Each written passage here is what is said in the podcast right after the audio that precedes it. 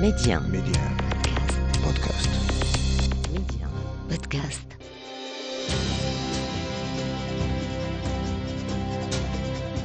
نبدأ من حيث توقفنا أتذكر جيدا ذلك اليوم الجمعة السادس عشر من ماي 2003 حيث كان الموعد هذه المرة مع ثاني ضربة إرهابية يتلقاها المغرب في قلب عاصمته الاقتصادية الدار البيضاء بعد ضربة فندق أطلس أسني بمراكش في الرابع والعشرين من غشت 1994 وكانت الضربة عندها قدمت من الخارج وتورطت فيها المخابرات الجزائرية في السياق الذي كان معروفا آنذاك. إنها تفجيرات التي هزت مواقع حيوية في المدينة. مطعم دار إسبانيا كازا دي إسبانيا فندق فرح القريب من محطة شركة النقل المغربية ستيام ومحطة القطار الدار البيضاء الميناء. مقبرة يهودية ومطعما إيطاليا وتفجير آخر وقع قرب القنصلية البلجيكية التي تبعد بضعة أمتار عن المطعم مخلفة أربعين قتيلا من بينهم 12 انتحاريا من منفذي الهجمات. كانت التفجيرات سلسلة من الهجمات المتزامنة بالأحزمة الناسفة. 14 شخصا تتراوح أعمارهم بين 20 و 24 سنة. نفذوا الهجمات واستهدفوا تلك الأماكن في تلك الليلة التي خلفت آلاما كثيرة. ففي أسوأ هجوم قتلوا حارسا في مطعم كازا ديسبانيا طعنا بسكين وفجروا أنفسهم وسط الزبائن داخل المطعم قاتلين عشرين شخصا. الهدف الثاني كان فندق فرح وفندق خامس النجوم وقتل في التفجير الذي هزه البواب وحامل الأمتعة. وتفجير آخر قتل فيه ثلاثة أشخاص استهدف المقبرة اليهودية وتم تنفيذه بواسطة جهاز تحكم عن بعد. واستهدف مهاجمان آخران المركز الاجتماعي اليهودي في المدينة لكن لم يصب أحدا لكأن المركز كان مغلقا. فيما استهدف مفجر مطعما إيطاليا ووقع انفجار آخر قرب القنصلية البلجيكية مما أسفر عن مقتل اثنين من رجال الشرطة.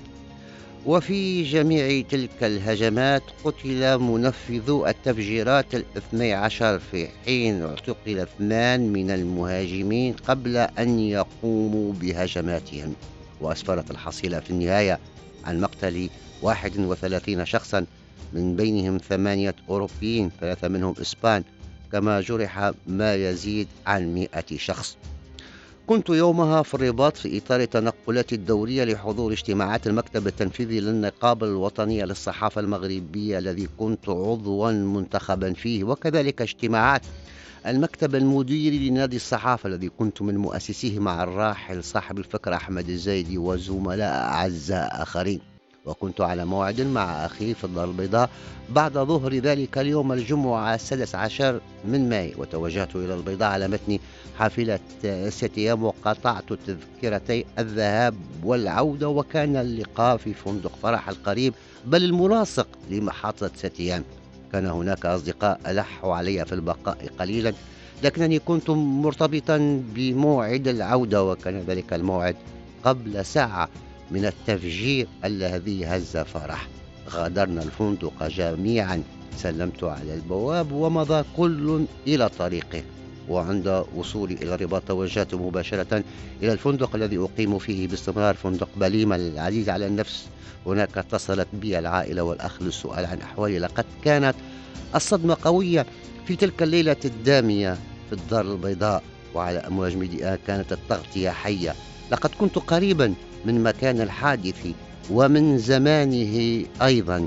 الإرهاب يضرب من جديد في قلب الدار البيضاء وكنا خلال الأيام الماضية نتابع في تغطياتنا الإخبارية في ميديا أحداثا أخرى أرخت بظلالها. فقد جاءت هجمات الدار البيضاء بعد أربعة أيام من الهجوم الذي استهدف مجمع الرياض السكني وهو مجمع يقطنه غربيون في العاصمة السعودية.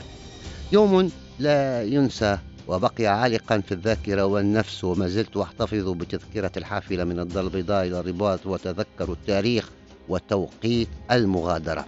تذكر أنه خلال تحضير المؤتمر الوطني للنقابة الوطنية للصحافة المغربية الذي احتضنته الدار البيضاء بعد ذلك تخبت فيه من جديد عضوا في المكتب التنفيذي اقترحت في اجتماع اللجنة التحضيرية عقد الجلسة الافتتاحية للمؤتمر في فندق فرح الذي استعاد فرحه لقد أردنا توجيه رسالة.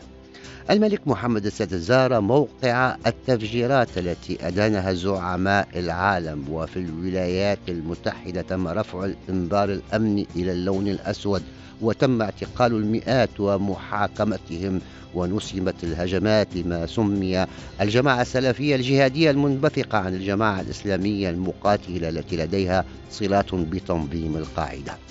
أحداث السادس عشر من مايو الإرهابية خلفت ضحايا وآلاما وجراحا كما حملت أيضا العديد من الأحداث المتتالية التي طبعت ملامح جديدة للسياسة العامة للدولة على مستوى المقاربة الأمنية الاستباقية وإصلاح الحقل الديني في مقاربة جديدة عبر ثلاث دعامات.